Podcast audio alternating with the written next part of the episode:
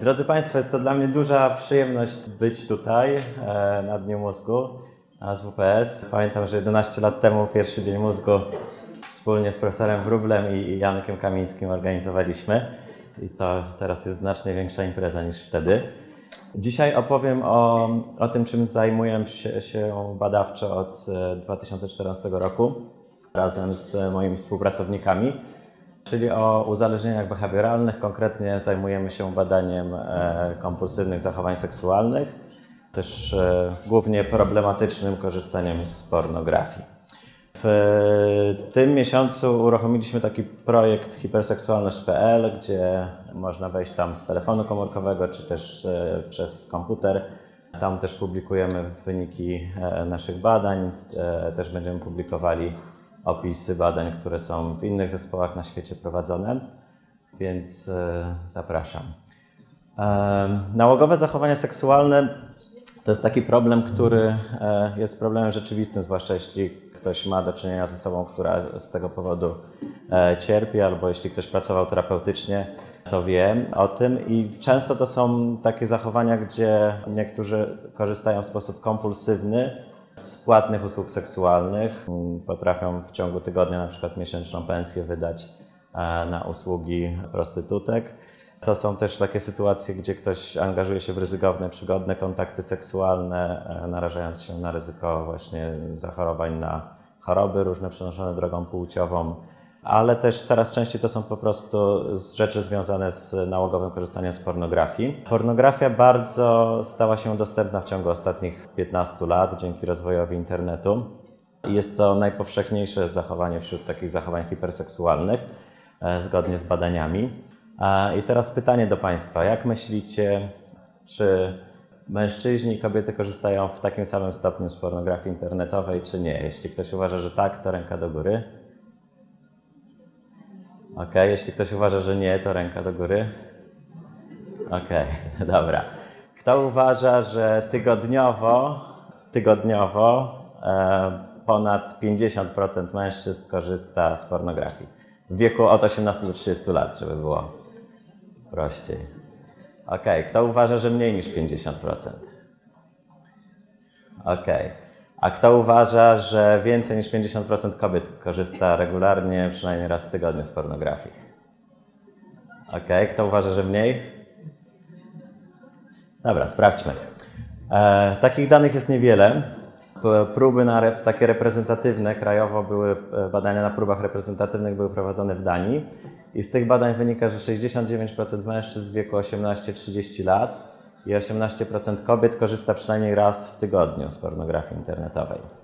Teraz e, nie wiemy dla ilu procent to jest zachowanie problematyczne. Mamy takie badania ze Stanów Zjednoczonych, które pokazują, że wśród regularnych użytkowników e, pornografii 8% e, z nich deklaruje, że jest to zachowanie problematyczne, czyli 8% z 69% mężczyzn, którzy regularnie korzystają, może doświadczać e, właśnie takich trudności w związku z e, kompulsywnym korzystaniem z pornografii. Jak to wygląda w praktyce? Często osoby, z którymi pracujemy na przykład przy badaniach, e, mówią o takim doświadczeniu na przykład takiego ciągu pornograficzno-masturbacyjnego. To wygląda tak, że może ktoś spędzić na przykład 13, 15, 17 godzin non-stop oglądając pornografię próbując się przy tym e, kilkanaście razy w ciągu dnia. To powoduje też duże wyczerpanie organizmu, duże trudności w takim funkcjonowaniu na co dzień. E, czasami dla niektórych z tych osób wiąże się z tym, że no nie są w stanie na przykład pójść do pracy następnego dnia. Wpływa też na relacje e, partnerskie. No, jest to destrukcyjne dla takiego codziennego życia. Jest to problem ważny społecznie, o tym e, na przykład przekonują nas reżyserzy filmów, jak McQueen w filmie Shame. To jest bardzo taki realistyczny obraz doświadczeń osoby, która w nałogowy sposób szuka seksu i, i, korzysta też z pornografii. Mieliśmy też film, który był jakąś taką kontraodpowiedzią do tego, Nymphomanka Larsa von Triera, e, albo też taki film Don John, gdzie bardzo wyraźnie widać, jak to nałogowe korzystanie z pornografii wygląda że seks z drugą osobą zupełnie nie zaspokaja e, tych potrzeb właśnie e, korzystania z, z pornografii internetowej. No i teraz e, wiemy, że te zjawiska występują. E, jest bardzo wiele pytań związanych z tym, jak ta pornografia internetowa kształtuje e, nasze życie społeczne, jak wpływa na mózg, jak wpływa na różne postawy wobec seksu, seksualności itd. Wiemy też, że teoretycznie pornografia jest dostępna na przykład w Polsce od 18 roku życia. W niektórych krajach trochę są to wyższe te granice wiekowe. Natomiast no, dzięki internetowi każdy ma do niej dostęp w bardzo łatwy sposób. I również, również dzieci, również e, młodzież, i to może wpływać na kształtowanie też takiego obrazu seksualności. E, zgadnijcie Państwo, e, ile procent dzieci, a może nie, jeszcze wcześniej inne pytanie. Jaki jest średni wiek dostępu do pornografii? Kto uważa, że to jest średni wiek jest powyżej na przykład 13 roku życia? Ok, kto uważa, że jest powyżej 11 roku życia? Ok, kto uważa, że jest poniżej 11? Tak, pół na pół, tak? Ok, więc średni wiek dostępu w Wielkiej Brytanii, tam to było badane, to jest 10 lat pierwszego dostępu do pornografii. Pewnie dla większości to jest ciekawość i, i rozrywka. Natomiast badania z zeszłego roku pokazują, że już 12% chłopców i dziewczynek przed 12 rokiem życia korzysta z tej pornografii regularnie, przynajmniej raz w tygodniu. To, to już raczej nie jest tylko i wyłącznie ciekawość, zaczyna być to jakieś regularne zachowanie. No właśnie takie wyniki badań spowodowały, że premier Wielkiej Brytanii Cameron e, próbował jakoś e, to prawnie regulować ten dostęp na przykład poprzez domyślną blokadę pornografii, przez dostawców internetu. No ale to są takie rzeczy, których nie wiadomo jak je realizować. Większość osób raczej jest za tym, żeby edukować młodzież, e, żeby mówić o tym, jak wygląda zdrowa seksualność, e, niż po prostu tak na ślepo blokować dostęp do pornografii. Pytania, które my stawiamy sobie w naszych badaniach, to takie pytania, czy pornografia wpływa jakoś na mózg, czy może na przykład uzależniać, jeśli tak, to kogo? No wiemy, że korzysta 69% mężczyzn regularnie, przynajmniej raz w tygodniu, ale tylko 8% z tych regularnych użytkowników doświadcza problemów. No i jak skutecznie pomagać tym osobom, które tych problemów doświadczają? Więc po pierwsze musimy jakoś określić, co to jest to problematyczne zachowanie seksualne, czy taka problematyczna hiperseksualność. W 2010 roku Martin Kawka zaproponował e, takie kryteria. Trzeba spełnić 3 z 5. E, to jest tych 5 do wyboru, czyli poświęcanie dużej ilości na czasu na fantazjowanie lub zachowania seksualne, że te zachowania seksualne, czyli na przykład korzystanie z pornografii, masturbacja albo podejmowanie współżycia, są w odpowiedzi na różne takie silne stany emocjonalne jak lęk, przygnębienie, znudzenie czy poirytowanie że są w odpowiedzi na wydarzenia stresujące w życiu, czyli pomagają sobie jakoś z tym stresem radzić, że dana osoba podejmuje nieskuteczne próby kontroli lub redukcji zachowań, no i że to zaangażowanie utrzymuje się mimo kosztów, mimo dużego ryzyka, na przykład, nie wiem, ryzyka wyrzucenia z pracy, jeśli ktoś w pracy tą pornografię ogląda regularnie, e, albo utraty ważnego związku. Dodatkowo jeśli spełnia ktoś te trzy z pięciu kryteriów, ważne jest, żeby jeszcze dodatkowo te zachowania wywoływały jakiś stres, e, powodowały jakieś dysfunkcje, czyli trudności, czy to w życiu zawodowym, czy w, życiu, w bliskich relacjach, e, czy, czy w realizowaniu innych istotnych dla siebie celów. No i ostatnie kryterium to jest takie, że to nie może być efekt zażywania jakichś substancji psychoaktywnych e, czy leków. Wiemy, że na przykład pacjenci z chorobą Parkinsona E, podczas leczenia lewodopą e, prezentują takie zachowania, ale jest to bezpośrednio efekt dla niektórych z tych pacjentów właśnie tej, tej farmakoterapii. Ok. E, coś takiego jak nałogowe zachowania seksualne, czy nie wiem, seksoholizm, uzależnienie od pornografii itd. Tak nie istnieje w klasyfikacjach zaburzeń. Kryteria, które prezentowałem wcześniej, one były proponowane, żeby zostały włączone w 2013 roku do tej najnowszej wersji amerykańskiej i kanadyjskiej klasyfikacji, ale nie znalazły się tam, dlatego że nie ma po prostu badań naukowych, które by pokazywały, jaki jest mechanizm tych problemów, że nie ma badań naukowych, które by pokazywały też e, właśnie dokładnie, jak to działa, skąd się bierze i tak dalej. No, przez 25 lat prowadzono jakieś takie badania, głównie polegające na obserwacjach e, pacjentów, opisywaniu tego wszystkiego, natomiast nie prowadzono badań neuronaukowych. E, no i skończyliśmy z tym, że w nowych wersjach klasyfikacji po prostu tego problemu tam nie ma i nie wiadomo z jakim problemem mamy do czynienia, też jak, jak, jak pomagać tym osobom. No więc my podjęliśmy po prostu ten trud wykonania części przynajmniej tych badań. No i zajrzeliśmy do mózgu, staramy się zrozumieć, jak to działa, i dzisiaj przedstawię kilka, e, kilka wyników. Ok, w naszych badaniach postanowiliśmy wyjść od takich obserwacji naturalnego mechanizmu utraty e, kontroli nad zachowaniem. Czyli, żeby zobaczyć po prostu, co się dzieje w momencie, kiedy e, zachowujemy się tak, jak nie chcemy, i czy to są takie same mechanizmy, tylko bardziej utrwalone u tych osób, które mają problemy z nałogowymi zachowaniami seksualnymi. E, I w tym modelu mamy kilka różnych scenariuszy e, prowadzących do tego, że e, nasza kontrola zachowania po prostu zawodzi. Scenariusz pierwszy to scenariusz związany z lękiem. Jedną z takich głównych struktur w mózgu, która odpowiada za lęk, jest jądra, są jądra migdałowate. To jest ten czerwony obszar tutaj na rysunku. I czasami zdarza się, że odczuwamy bardzo silny lęk. Na przykład u dzieci możemy zaobserwować coś takiego, że dziecko się przestraszy i jak reaguje? Zaczyna płakać, prawda?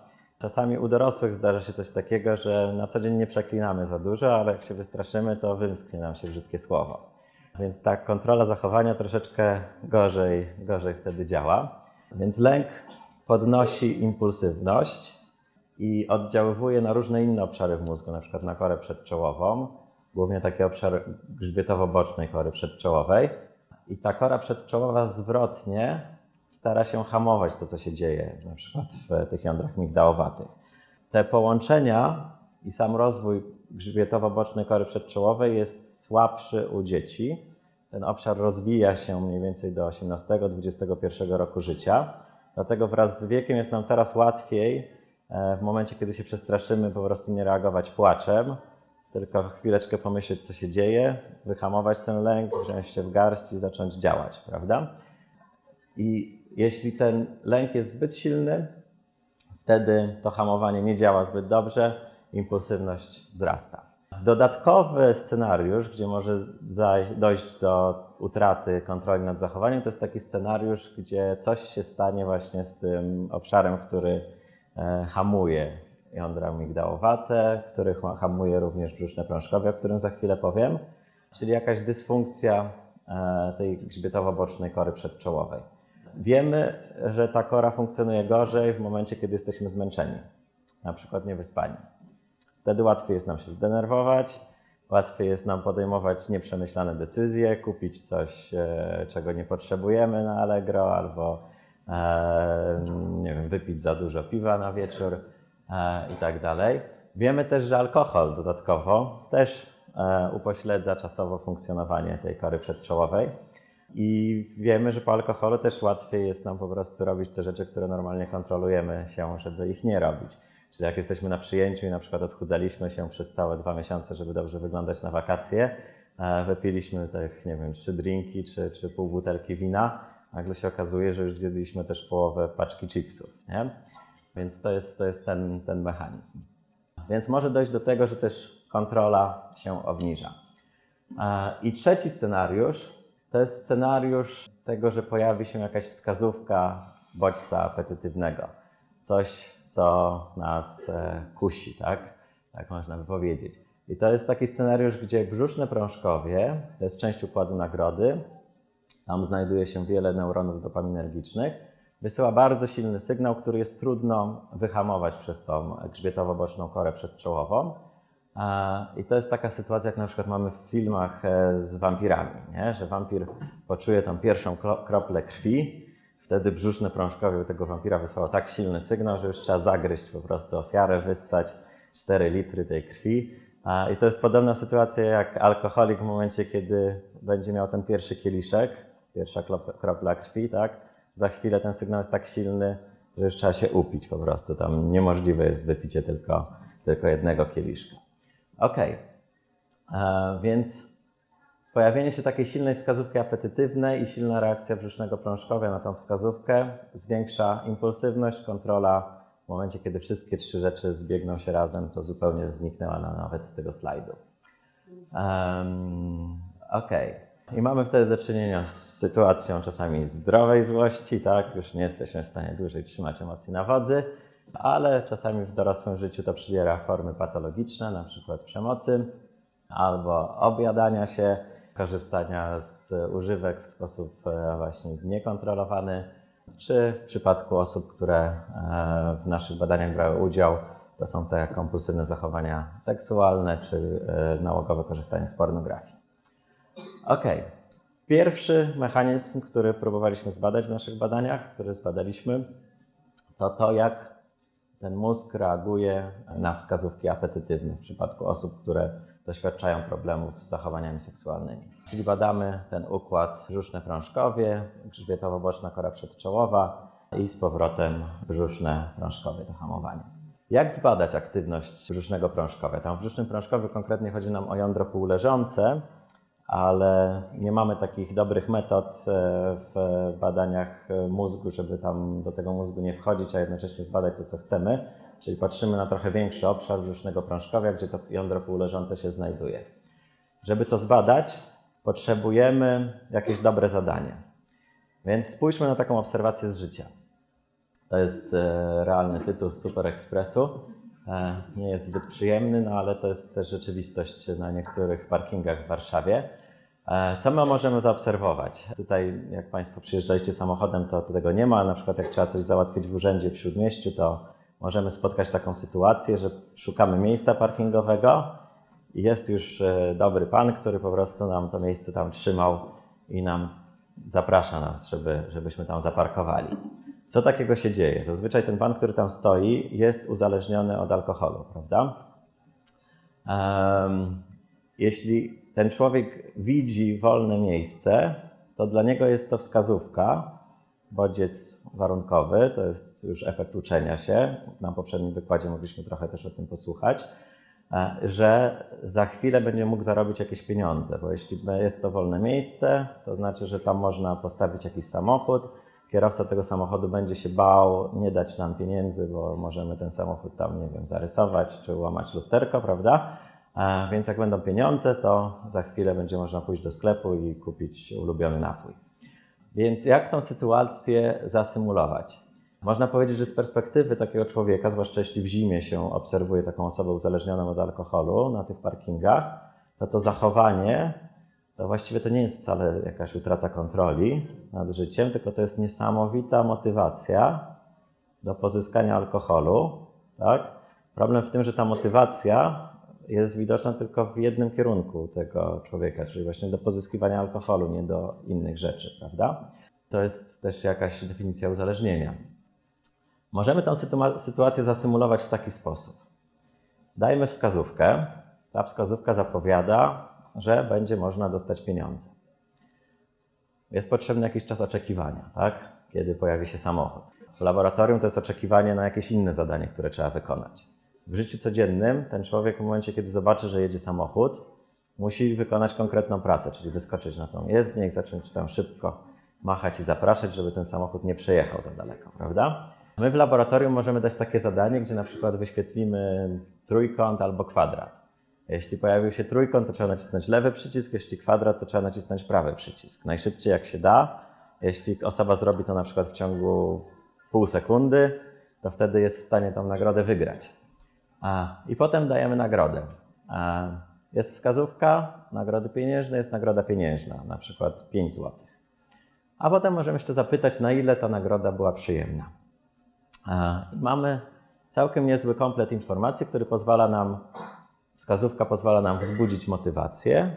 Tutaj możemy zobaczyć, jak ta motywacja jest utrzymywana, sprawdzić, jak aktywność mózgu wygląda, a następnie możemy zmierzyć jakieś zachowanie, które nam będzie tą motywację odzwierciedlało. Jeśli motywacja była silna, to spodziewalibyśmy się poprawnych reakcji, dużej poprawności spodziewalibyśmy się też bardzo szybkich reakcji, prawda? A, czyli krótkich czasów reakcji. Ok. W naszych badaniach zaprosiliśmy do udziału osoby, które doświadczają trudności właśnie w korzystaniu z pornografii i w zachowaniach seksualnych. Tutaj to PPU to jest od angielskiego Problematic Pornography User. Zaprosiliśmy też, dobraliśmy do każdej osoby, to byli mężczyźni heteroseksualni, do każdego z nich dobraliśmy jedną osobę kontrolną, która była w tym samym wieku, miała podobne zarobki jeszcze wiele różnych innych parametrów. Badaliśmy też hazardzistów. Tutaj tych wyników nie będę pokazywał, żeby to było e, bardziej przejrzyste. Porównywaliśmy te wyniki do, e, też do, do osób, e, które miały problemy z hazardem. I jak to wyglądało?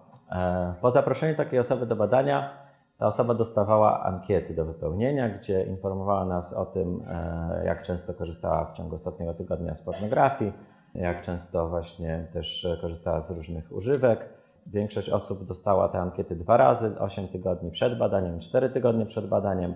Na 24 godziny przed badaniem prosiliśmy wszystkich o abstynencję seksualną i od substancji. I następnie jeszcze w dniu badania też prosiliśmy o wypełnienie takiej ankiety. To nam pozwalało zebrać te wszystkie dane, porównać e, te osoby różnymi parametrami i potem zapraszaliśmy tych ludzi do skanera rezonansu magnetycznego ten, to, to urządzenie pozwala nam mierzyć przepływ krwi w mózgu, więc możemy zobaczyć, jak różne struktury w tym mózgu, jak one są aktywne.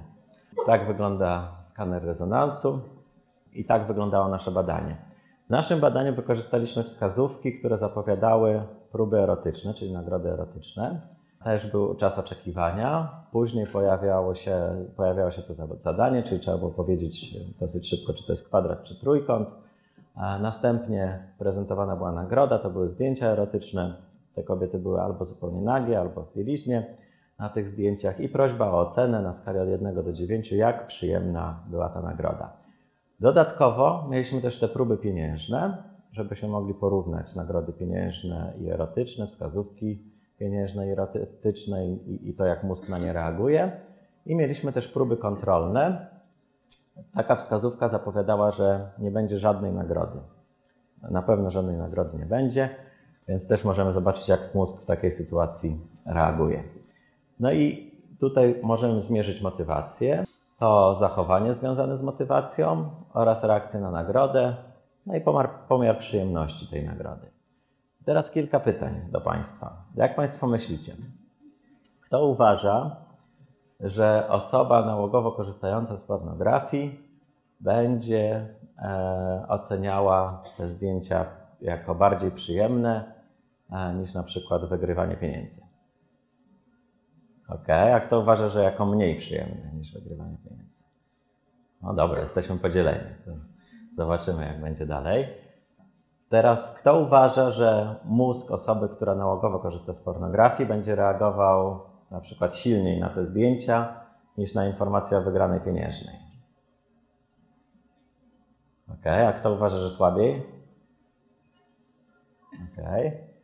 Dobrze, a kto uważa, że będzie reagował silniej na wskazówkę nagrody erotycznej niż pieniężnej? Ok. A kto, że słabiej? Tutaj nie ma za dużo osób. Dobra, no to zobaczmy. Jeszcze możemy zadać pytanie oczywiście, jak będą wyglądały te czasy reakcji w tym zadaniu i poprawności w tym zadaniu. Ok, to zobaczmy najpierw, jak wygląda ta motywacja. Słupki takie pełne to są osoby, które mają problem z korzystaniem z pornografii, doświadczały takiego problemu w swoim życiu, a te z paskami to są te osoby kontrolne. I tutaj widzimy czasy reakcji. Im ten słupek jest niższy, tym znaczy, że ktoś szybciej reagował, czyli był bardziej zmotywowany. I widzimy, że obydwie grupy nie różnią się w motywacji w próbach kontrolnych. Czyli jeśli jest do wygrania nic, to ta motywacja jest niska, to są bardzo wolne czasy reakcji, ale w obydwu grupach jest taka sama. Jeśli do wygrania są pieniądze, to widać, że motywacja jest znacznie większa, czasy reakcji spadają, tak? I obydwie grupy się nie, nie różnią. Natomiast jeśli do wygrania jest to zdjęcie erotyczne, to okazuje się, że u osób nałogowo korzystających z pornografii e, ta motywacja jest znacznie silniejsza niż u osób z grupy kontrolnej. Czyli ta szansa, że zaraz będzie tam zdjęcie nagiej kobiety, to jest coś znacznie bardziej ekscytujące dla osób, z, które mają problem z nałogowym korzystaniem z pornografii. Teraz zobaczmy na poprawność odpowiedzi. Jeśli jest cokolwiek do wygrania, to obydwie grupy się nie różnią. Natomiast osoby nałogowo korzystające z pornografii mają znacznie niższą poprawność w próbach kontrolnych. To znaczy, że jeśli w ogóle nie ma szansy na nagrodę, to nie bardzo jest co się męczyć, prawda? Czyli motywacja do takich zachowań, gdzie tam nagroda raczej jej nie będzie, no jest, jest mniejsza. Dobra, zobaczmy, co się dzieje tutaj, jeśli pytamy o to, jak przyjemna była nagroda. Widzimy, że dla osób z grupy kontrolnej obydwa typy nagród są tak samo przyjemne. Zarówno wygrane pieniężne, jak i zdjęcia erotyczne. Natomiast dla osób, które nałogowo korzystają z pornografii, zdjęcia erotyczne są przyjemniejsze niż wygrane pieniężne. To teraz zajrzyjmy do mózgu, zobaczmy, co się dzieje w momencie, kiedy ta nagroda się pojawia. Część z Państwa twierdziła, że osoba nałogowo korzystająca z pornografii będzie e, jej, jej brzuszne prążkowy, ten układ nagrody będzie znacznie bardziej aktywny e, w przypadku nagrody erotycznej niż pieniężnej. Zobaczmy, co się dzieje.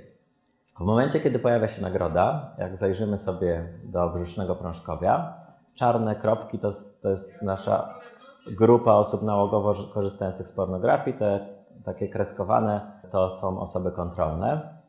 To proszę zobaczyć. W momencie, kiedy pojawia się nagroda, obydwie grupy, czerwona kreska to jest reakcja na próby erotyczne, na nagrody erotyczne. W rezonansie magnetycznym zawsze trzeba to relatywnie do czegoś podać, tak? Czyli to jest ta reakcja w porównaniu do tego, że nie ma żadnej nagrody, tak? I obydwie grupy się nie różnią. Czyli możemy powiedzieć, że osoba nałogowo korzystająca z pornografii reaguje tak samo na zdjęcia erotyczne, jak osoba z grupy kontrolnej. Tam nie ma żadnej, żadnej różnicy. Podobnie reaguje prawie tak samo na wygrane pieniężne. No więc skoro nie ma różnicy w tej reakcji na bodźce erotyczne, to gdzie ta różnica jest? Zobaczmy, co się dzieje w reakcji na wskazówkę. Jeśli spojrzymy w momencie, kiedy pojawia się ta wskazówka, to tutaj widzimy olbrzymią różnicę. Osoby nałogowo korzystające z pornografii, ich układ nagrody sygnalizuje znacznie większą przyjemność, szansę na znacznie większą przyjemność w momencie, kiedy pojawia się ta wskazówka, niż w przypadku osób kontrolnych. Co to znaczy? Jeśli weźmiemy sobie tę analogię do tego pana na parkingu, który widzi wolne miejsce, e, to on ma taką nieodpartą wtedy motywację, żeby to miejsce tam zająć i po prostu tam stać do momentu, kiedy ktoś nie przyjedzie, tak? Tutaj mamy podobną sytuację. Jeśli pojawia się wskazówka, że jest szansa na jakiś bodziec erotyczny, może się pojawić bardzo silna motywacja do tego, żeby ten bodziec zdobyć. Czyli już w tym momencie, kiedy ta wskazówka się pojawia, inne rzeczy nie są tak ważne, tak? Pojawia się ta ukierunkowana motywacja, żeby zdobyć bodziec erotyczny, na przykład obejrzeć pornografię. Ok, wnioski. Więc nałogowi użytkownicy pornografii i osoby kontrolne nie różnią się reakcją na bodźce erotyczne. Różnica jest widoczna w reakcji na wskazówki tych bodźców. I tutaj nałogowi użytkownicy pornografii mają znacznie silniejszą tą reakcję. Również mają zmniejszoną motywację do podejmowania zachowań wtedy, kiedy nie ma szansy na nagrodę. No i to bardzo przypomina dokładnie wyniki, które uzyskane zostały na tej grupie hazardzistów. Hazard został w tej klasyfikacji e, kanadyjskiej, amerykańskiej w 2013 roku zaklasyfikowany jako uzależnienie właśnie ze względu na taki mechanizm. Tutaj pokazujemy coś bardzo podobnego. Ok, z czym tak naprawdę mamy do czynienia? Te wskazówki, które my pokazujemy w badaniu, wyglądają dokładnie tak jak tutaj na tym ekranie. To samo w sobie to nie jest bodziec erotyczny, to nie jest nic pobudzającego, tak? Ale w wyniku uczenia się to zaczyna nabierać wartości, która pobudza do działania, prawda? No i teraz mamy taką sytuację realną. Ktoś sobie siedzi w pracy i nagle pojawia się ta wskazówka. Wskazówką może być na przykład to, że jestem sam w pokoju. Nikogo nie ma, więc mogę sobie coś obejrzeć, nie? Wtedy ta wskazówka wywołuje, jest jak ta pierwsza kropla krwi, tak? Wywołuje tą nieodpartą motywację, żeby tam już się dorwać po prostu do tej strony i obejrzeć ile się tylko da. No i to prowadzi po prostu do konkretnych działań. Co z tym robić? E, wiemy, że w przypadku osób, które e, mają problemy z nałogowym korzystaniem z alkoholu, czy też teraz prowadzone są badania na takich dużych grupach hazardzistów, takim pomocnym na przykład lekiem, który blokuje ten głód, to znaczy nie głód, tylko ten taki, tak, taki craving po prostu, takie silne pożądanie, jest naltrexon. Do tej pory tylko z trzy osoby opublikowano rezultaty na trzech osobach, które doświadczały y, trudności z korzystaniem takim nałogowym z pornografii, z zastosowaniem naltrexonu. Wiemy, że po jego zastosowaniu te zielone kropeczki to jest właśnie ta, to takie nie, trudne do odparcia pragnienie się trochę zmniejsza. Wiemy, że naltrexon może powodować zmniejszenie tej reaktywności na te wskazówki, więc troszeczkę mógłby tą impulsywność osłabić. E, nie wiemy jeszcze, czy to dobrze działa. Potrzebne są jeszcze pewnie kilka lat badań, żeby to, to sprawdzić, czy to będzie pomocne, czy nie na, dłuższą, na, na większą skalę. E, więc e, to jest na razie tylko jakaś tam zapowiedź szansy na taką pomoc farmakologiczną. Oczywiście można też w psychoterapii czy, czy w różnych grupach samopomocowych trochę bardziej zacząć się skupiać na tych wskazówkach, żeby, żeby skutecznie pomóc. Ok, spójrzmy na drugi mechanizm, na ten mechanizm związany z lękiem. Wiemy, że lęk też może prowadzić do e, załamania kontroli nad zachowaniem. Poprzez to, że właśnie podnosi tą impulsywność, obniża e, kontrolę. Tutaj wiemy, że taka substancja, która zmniejsza aktywność amigdali, to jest na przykład e, paroksetyna. Jest to jeden z e, leków z grupy inhibitorów wychwytu zwrotnego serotoniny Używa się te leki na przykład w depresji, ale też w zaburzeniach obsesyjno-kompulsywnych, gdzie są różne natręctwa i obsesyjne myśli. I paroksetyna potrafi bardzo w ciągu 16 tygodni bardzo mocno obniżyć aktywność e, jąder migdałowatych. E, to są badania na młodzieży z zaburzeniem obsesyjno-kompulsywnym. I udało nam się też znaleźć trzy osoby, które e, brały paroksetynę w związku z kompulsywnymi zachowaniami seksualnymi, z e, takim nałogowym oglądaniem pornografii. E, I to są te trzy osoby. Tutaj mamy czas poświęcony na oglądanie pornografii w tygodniu. Tutaj jest moment, gdzie zaczęły zażywać tą paroksetynę. Tutaj widzimy, jak obniża się lęk, takie poczucie doświadczonego lęku w ciągu tygodnia. I ach, jeden slajd mi uciekł. Dobra, musicie mi Państwo uwierzyć na słowo, że również ten czas oglądania pornografii po prostu się zmniejsza e, po, po zastosowaniu tej paroksetyny. Jeszcze nie wiemy, jak to działa, czy dla wszystkich działa. Wiemy też, że w niektórych przypadkach zbyt długie stosowanie tej paroksetyny może prowadzić też do pojawienia się innych zachowań seksualnych, e, więc tutaj jeszcze też potrzebne są e, badania. Okej. Okay. Więc na chwilę obecną wiemy, że e, takie nałogowe korzystanie z pornografii może być powodowane przynajmniej przez dwa różne mechanizmy. Przez taki mechanizm właśnie związany z tą zwiększoną reaktywnością na e, wskazówki nagród erotycznych, e, ale też może być związany z nadmiernym poczuciem, doświadczeniem lęku po prostu. I te zachowania mogą służyć regulacji tego napięcia, regulacji lęku.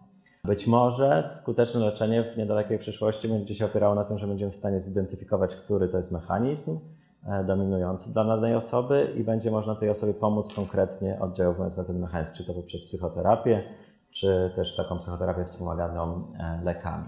Ostatnie pytanie, na które spróbuję tutaj jeszcze odpowiedzieć, częściowo przynajmniej, to, to kto rozwija te zachowania, e, nałogowe zachowania seksualne. My głównie na razie się skupialiśmy tylko na tym korzystaniu z pornografii.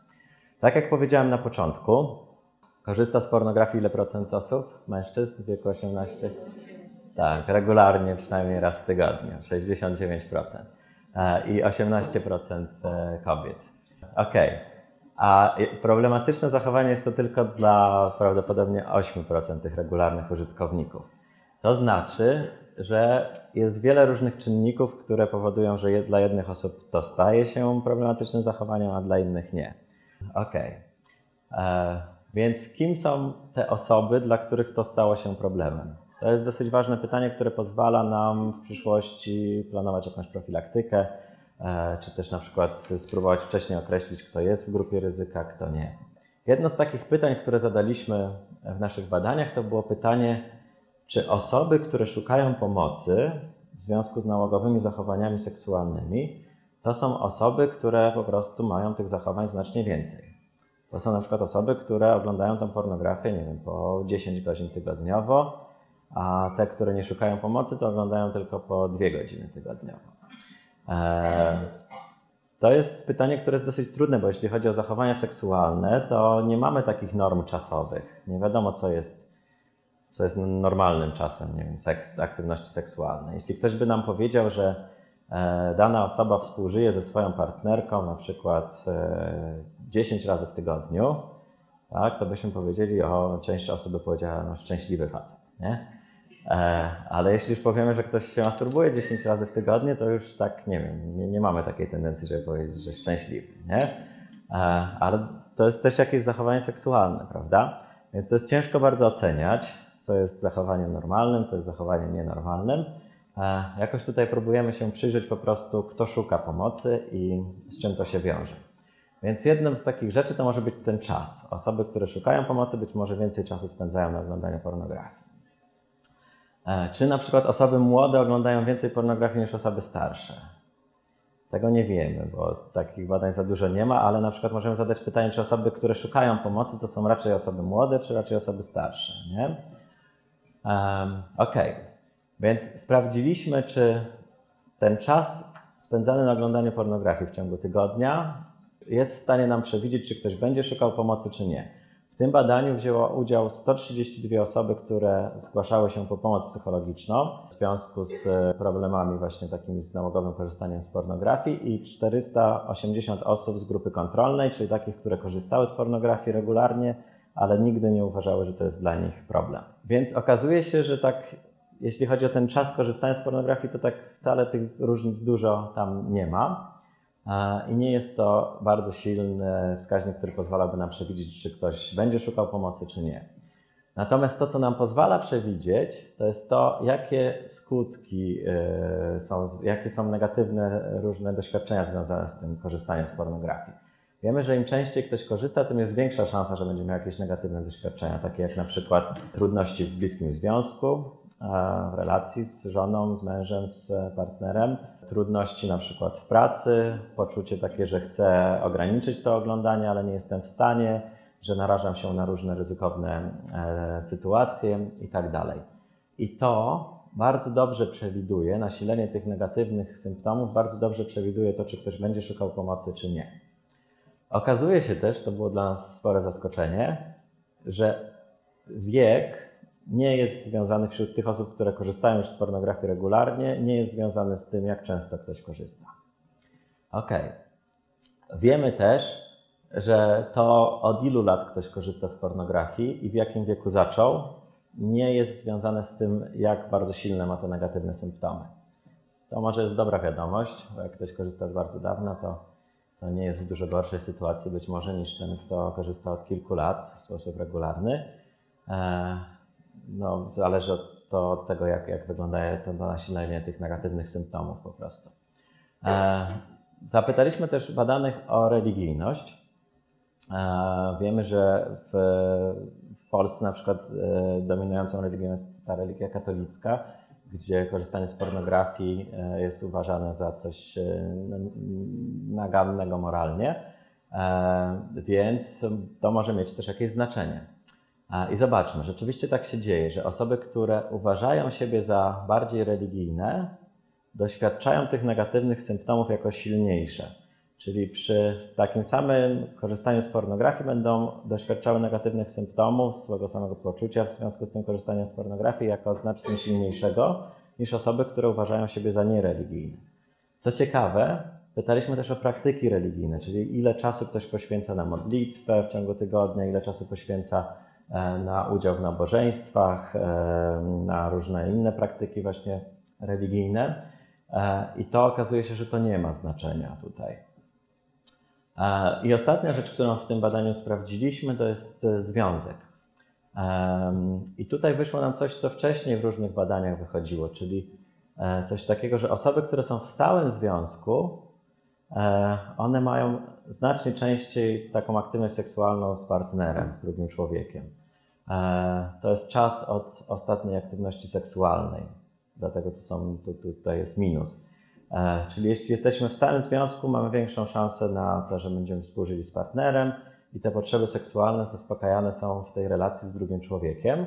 A i im częściej są zaspokajane w relacji z drugim człowiekiem, tym jest mniejsze e, nasilenie tego oglądania pornografii w ciągu tygodnia, mniejsza potrzeba, żeby tą pornografię oglądać, prawda?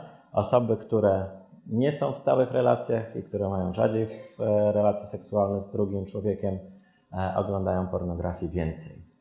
Więc to jest takie badanie, które stawia nam wiele różnych kolejnych pytań. Czy na przykład osoby, które doświadczają nałogowego korzystania z pornografii, E, czy to są osoby, które mają jakieś trudności we wchodzeniu w relacje, w utrzymywaniu stałych relacji, w utrzymywaniu takich relacji, które będą też satysfakcjonujące z punktu widzenia relacji seksualnych? Jak wygląda jeszcze ta kwestia właśnie tej religijności, jaką ona rolę odgrywa i tak dalej. To są rzeczy, na które trzeba będzie w przyszłości też zwrócić uwagę. Nasze badania są cały czas w toku. Na tej stronie hiperseksualność.pl tam e, można wziąć udział w tych badaniach, które aktualnie są prowadzone. E, tam aktualnie są cztery badania, w których można wziąć udział. Niektóre z nich to jest po prostu wypełnienie ankiety. E, I tutaj zapraszam każdego, obojętnie czy ma jakieś problemy, czy nie. Potrzebujemy danych od jak największej grupy mężczyzn, kobiet, homo, heteroseksualnych w różnym wieku. I w przyszłości też będziemy starali się już w tym roku rozpocząć też takie badania, gdzie spojrzymy na czynniki genetyczne e, i też e, w szerszym stopniu na to, jak e, ta farmakoterapia działa i jak, jak, jak skutecznie pomagać. Ok, więc odpowiadając na pytanie z tytułu, czy od pornografii lub seksu można się uzależnić? No, w przypadku niektórych osób te nałogowe korzystanie z pornografii ma takie same podłoże jak inne nałogi. E, to podłoże typowe dla wszystkich nałogów, e, dla uzależnień od substancji czy dla hazardu, czyli nałogów behawioralnych, to jest ta zwiększona aktywność brzusznego prążkowia, części układu nagrody, w odpowiedzi na wskazówkę bodźców erotycznych. To powoduje ten taki nieodparte pragnienie, żeby coś dostać. Jak to pragnienie się pojawia, to już trudno się zatrzymać po prostu, tak? Ale to, co odkryliśmy przy okazji, to, że to nie jest jedyny mechanizm, że jeszcze ten lęk odgrywa również ważną rolę. To jest dosyć ważne odkrycie, bo w innych nałogach tego do tej pory tak bardzo intensywnie nie badano.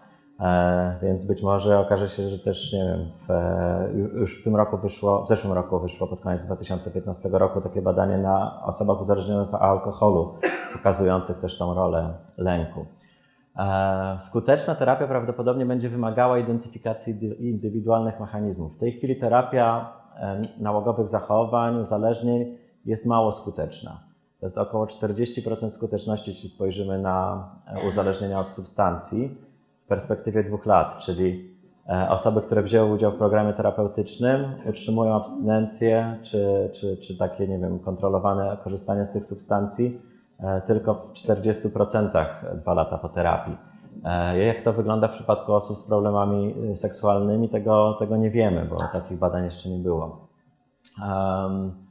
Pytania, na które potrzebujemy odpowiedzieć. Dlaczego tylko niektóra część regularnych użytkowników pornografii ma problemy? Jakie są wpływy czynników środowiskowych na to, że u niektórych te problemy się pojawiają, a u innych nie? Jakie są uwarunkowania genetyczne? Jak wyglądają zmiany w mózgu po odstawieniu nałogowych zachowań? Tutaj udało nam się już w tym roku zebrać e, pierwsze dane u osób, które brały udział w pierwszym eksperymencie w zeszłym roku, e, więc też na to pytanie częściowo będziemy mieli odpowiedź pewnie w ciągu najbliższych, najbliższych miesięcy. I tutaj przede wszystkim bardzo dziękuję uczestnikom naszych badań, tych wszystkim odważnym osobom, które zgodziły się przyjść e, do laboratorium, wziąć udział w tych badaniach, podzielić się swoimi doświadczeniami. E, to było ponad 36 e, osób z problemami z zachowaniami seksualnymi do tej pory i, i, i jeszcze właśnie hazardziści, którzy też brali udział we wcześniejszych badaniach. To, to są osoby, które są naprawdę niesamowite i, i, bardzo dziękuję każdej z tych osób, która e, w tych badaniach wzięła udział i proszę Państwa też o brawa dla tych ludzi.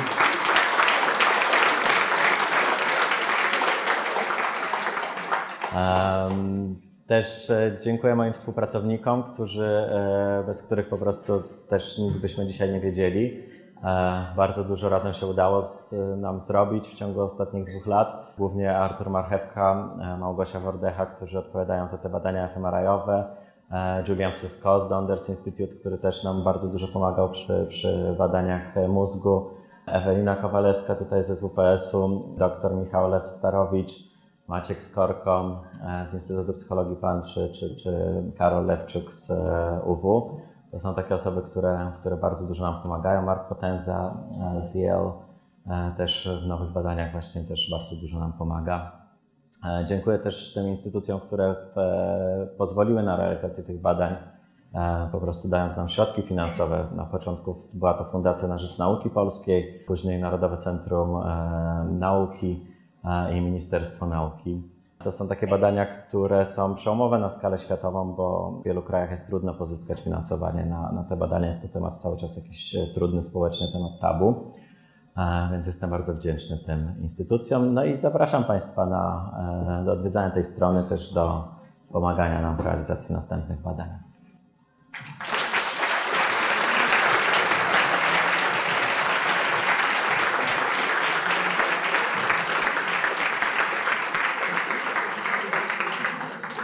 Skoro podziękowania, to bardzo dziękujemy za wykład i bardzo się cieszymy, że udało Ci się dotrzeć do nas, bo bardzo nam zależało na Twojej obecności. A ponieważ mamy całkiem sporo czasu teraz na dyskusję, to zapraszam bardzo gorąco do zadawania pytań, bo mamy jeszcze na to całkiem sporo odcinek czasu.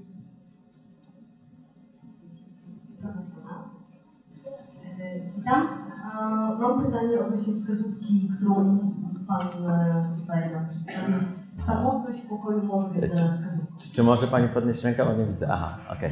Powiedziałam prawa. Aha, super. E, Zatem, e, czy będą, czy pojawi się badanie, które, lub też macie dane, czy osoby poddawane badaniu to były osoby jako jedynaki, czy posiadali brata lub siostrę? E, Bardzo, no, coraz częściej pary decydują się na tylko jedno dziecko. Czy to może oznaczać, że to dziecko w samotności, przebywając w pokoju z internetem, będzie bardziej narażone na, y, na, na to, żeby stało się maniakiem pornograficznym? Czy też to niekoniecznie tak może być? E, Okej, dzie- dziękuję za to pytanie. E, To, ten, to bycie samym w pokoju podałem jako przykład po prostu, że to może w wyniku uczenia być wskazówką, ale nie musi, tak?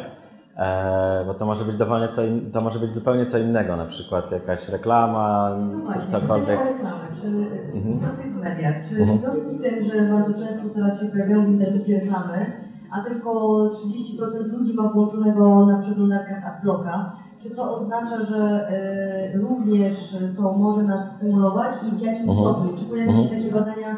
Okej, to, to jeszcze spróbuję odpowiedzieć też na te, na te wcześniejsze pytanie.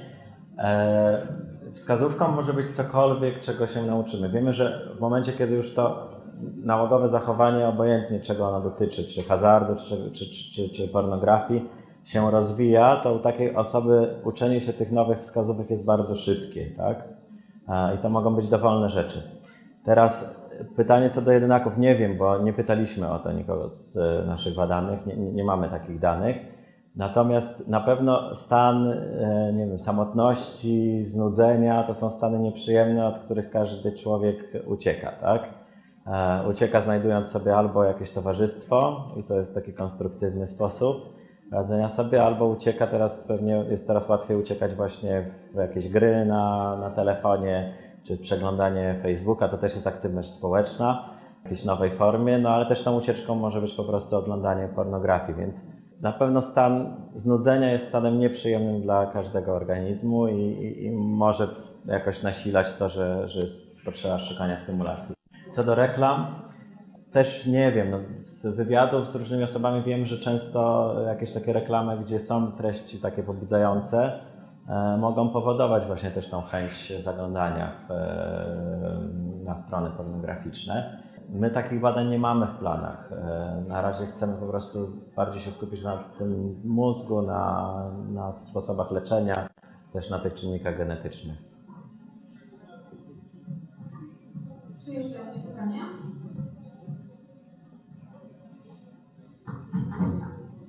Tam ktoś jest, Olu, chyba. Tak, to mam pytanie jeszcze odnośnie skali zjawiska. Czy tylko są dostępne te badania z 2006 roku, czy są e, jakieś świeższe? Tak, są świeższe badania. Mamy e, już takie, takie duże bazy danych e, też na e, populacji polskiej.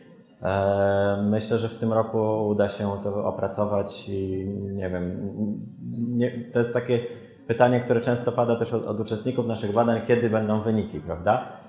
I Tutaj mogę Państwu przy okazji tego, że to jest impreza popularno-naukowa, też opowiedzieć, jak to wygląda. My robimy badania, zbieramy dane. E, zajmuje nam zazwyczaj kilka miesięcy analiza tych danych, taka dokładna. Potem musimy to wysłać do czasopisma naukowego. Im lepsze czasopismo, tym wyższe progi, prawda? E, ale też bardziej dokładne recenzje. I tam kilku naukowców ze świata po prostu czyta to dokładnie, e, co my napisaliśmy, jak policzyliśmy te dane i tak dalej, jak zrobiliśmy badanie. I oni stwierdzają, OK, to jest rzetelne, tam nie ma bubla, możemy zaufać, że to, to są mocne dane. Albo stwierdzają, słuchajcie, przegapiliście jeszcze to i tamto, zwróćcie uwagę, czy to są jedynaki, czy mają rodzeństwo. Spójrzcie na to, czy na przykład są w związku, czy nie są w związku. I wtedy my musimy na przykład jeszcze raz dotrzeć do osób i zapytać o te rzeczy, jeśli nie pytaliśmy wcześniej, a jeśli pytaliśmy wcześniej, to po prostu jeszcze to przeanalizować. Wtedy się okazuje, że to jakoś zmienia nasze zrozumienie problemu. I to tak trwa zazwyczaj przynajmniej pół roku, e, czasem dłużej. I dopiero jak ci recenzenci zgodzą się, OK, jest, jest dobrze, ufamy Wam, to te dane są wtedy publikowane. I wtedy też e, opowiadanie o takich danych to jest coś, coś bardziej wiarygodnego. E, Więc tutaj planujemy te dane, skończyć ich opracowywanie, jeśli chodzi o populację polską, w, pod koniec maja, więc nie wiem, jest szansa, że jeszcze w tym roku po prostu e, to, to, to będziemy to mieli. Dziękuję. Widzę jeszcze tam jedno pytanie, ale wcześniej właśnie Pan był. Mam pytanie przede wszystkim o, y, pod, pod kątem imigrantów, którzy teraz y, przybywają do Europy. Jak to jak taka abstynencja seksualna może wpływać na ich psychikę właśnie pod kątem y, właśnie szukania tej nagrody no, nie wiem, krótkiej spódniczce, tak względem tych y, wcześniej zupełnie in, inaczej ubranych kobiet, które widzieli u siebie. E, I czy jakby, nie mówię, że na podstawie badań, ale podstawie Pana przemyśleń, może, może to wygląda jak ona wpływa na, na umysł takich osób, które no na pewno tęsknią też za za pewnego. E, Tutaj nie ma za dużo badań naukowych, więc trudno jest na to pytanie odpowiedzieć, tak? E, Z jednej strony wiemy, że osoby, które nie wiem, na przykład dłu- przez dłuższy czas, kilku tygodni nie, nie miały doświadczeń seksualnych, ale na przykład bardzo ich pragną, ta pobudliwość seksualna jest, jest duża. Ale mamy też takie obserwacje osób, które żyją na przykład w długotrwałym jakimś celibacie czy w abstynencji seksualnej i tam wydaje się, że wtedy pobudliwość seksualna w ogóle bardzo spada, tak? E, I to jest, to jest duża tajemnica, jak to działa. E, nie, nie, potrafię w tym momencie odpowiedzieć na to pytanie. Czy uzależnienie od seksu jest uleczalne? Czy w postaci tak jak y, alkoholizmu, alkoholizm jest nieuleczalny? Czy takie uzależnienie od seksu uszkodzenia mózgu są trwałe? Czy nie? Okej, to jest bardzo ciekawe pytanie. E, Jeśli mówimy o e, uzależnieniach od substancji, czy na przykład od hazardu, to tam celem terapii często jest taka całkowita abstynencja, prawda? Czyli niekorzystanie z używek. E, Coraz częściej pojawiają się takie programy terapeutyczne, gdzie mówi się o celu jako o kontrolowanym użyciu albo redukcji szkód. E, Czyli takim używaniu, żeby po prostu to nie w najmniejszym stopniu niszczyło życie tej osoby i, i, i- otoczenia. Jeśli mówimy teraz o aktywności seksualnej, to trudno definiować cel jako całkowitą abstynencję seksualną takiej perspektywie całego życia, prawda? Więc tutaj trzeba szukać takiego celu, gdzie to jest po prostu zdrowa seksualność, zdrowa aktywność seksualna. Czy to jest odwracalne? Udało nam się w tej chwili e, zaprosić e, 12 osób e, z tej grupy e, osób z problemem właśnie skorzystania z pornografii z poprzednich badań e, i pod koniec lutego e, udało nam się zbadać te osoby jeszcze raz po około roku od poprzedniego badania. E, Część z nich e, skutecznie sobie poradziła z tym problemem, część e, nie. E, Jeszcze w marcu będziemy badali kolejne osoby, E, więc jak zbierzemy odpowiednią grupę tych ochotników, którzy chcą nam w tych badaniach pomóc, e, to są, to są naprawdę niesam, niesamowici ludzie. E, Ich zaangażowanie też to jest coś no, dla mnie fantastycznego. E, To będziemy mogli jeszcze w tym roku na to pytanie odpowiedzieć, czy, czy na przykład ten mechanizm tej zwiększonej reaktywności na tą wskazówkę czy on się zmniejszył, tak? E, To by znaczyło, że to jest odwracalne. Wiemy, e, w badaniach na alkoholikach widać, że po 30 dniach abstynencji ta aktywność na wskazówkę w tej samej strukturze zaczyna słabnąć, tak? E, Czyli wy- wydaje się, że, że to jest proces e, do jakiegoś stopnia odwracalny. E, Ale potrzebujemy po prostu zebrać dane i, zobaczyć, jak to rzeczywiście wygląda. Dobrze, to tutaj ostatnie pytanie i już musimy przechodzić do kolejnego wykładu. Mamy właściwie dwa pytania. Jedno rodziło się, e, kiedy mówi Pan o, o. E, czy też mają Państwo dane, czy też badają Państwo, czy te uzależnienie od seksu nie przeradza się e, w, w uzależnienie od czegoś innego? Czyli e, na przykład nie wiem, od hazardu, czy od substancji psychoaktywnych i tak dalej. I druga rzecz, o którą chciałam spytać, to, to czy badają Państwo, że osoby, które teraz mają problemy z nadmiernym używaniem e, seksu, czy też pornografii, były wykorzystywane seksualnie E, Więc w tych kwestionariuszach, które mamy, tam jest takie pytanie, to zaczynam od drugiego pytania.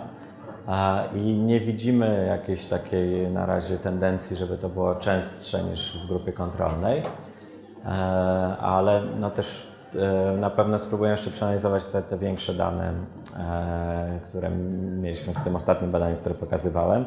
To jest, to jest ciekawe pytanie bardzo. E, Też jeszcze ciekawsze pytanie to jest to pierwsze pytanie, które Pani zadała.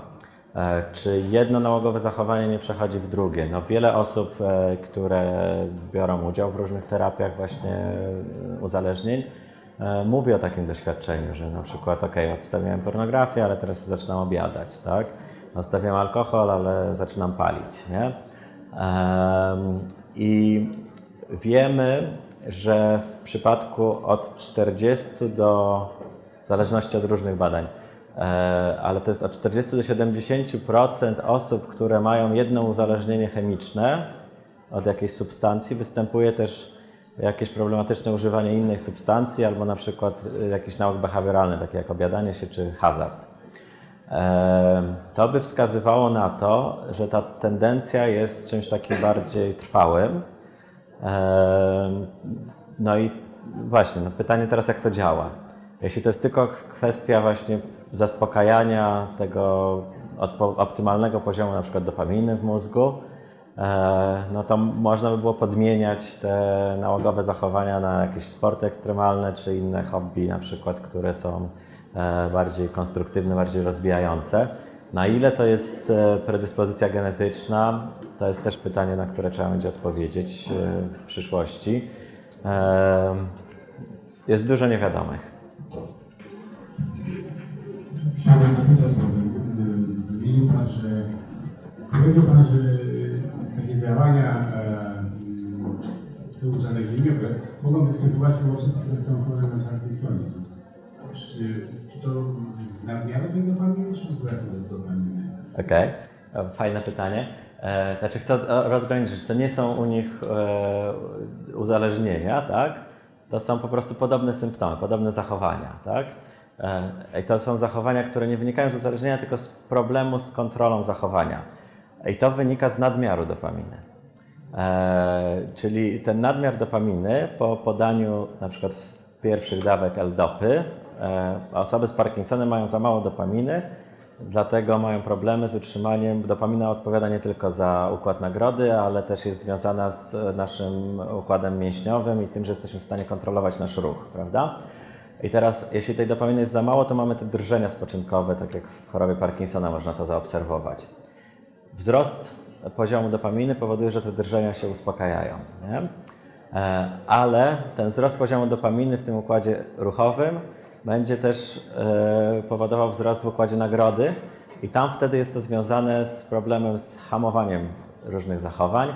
Czyli pojawiają się takie sytuacje, że na przykład starszy pacjent, tak, e, nie wiem, w wieku lat 70 czy 80 zaczyna brać tą dopaminę w szpitalu i nagle zaczyna tam podrywać panie pielęgniarki. Nie?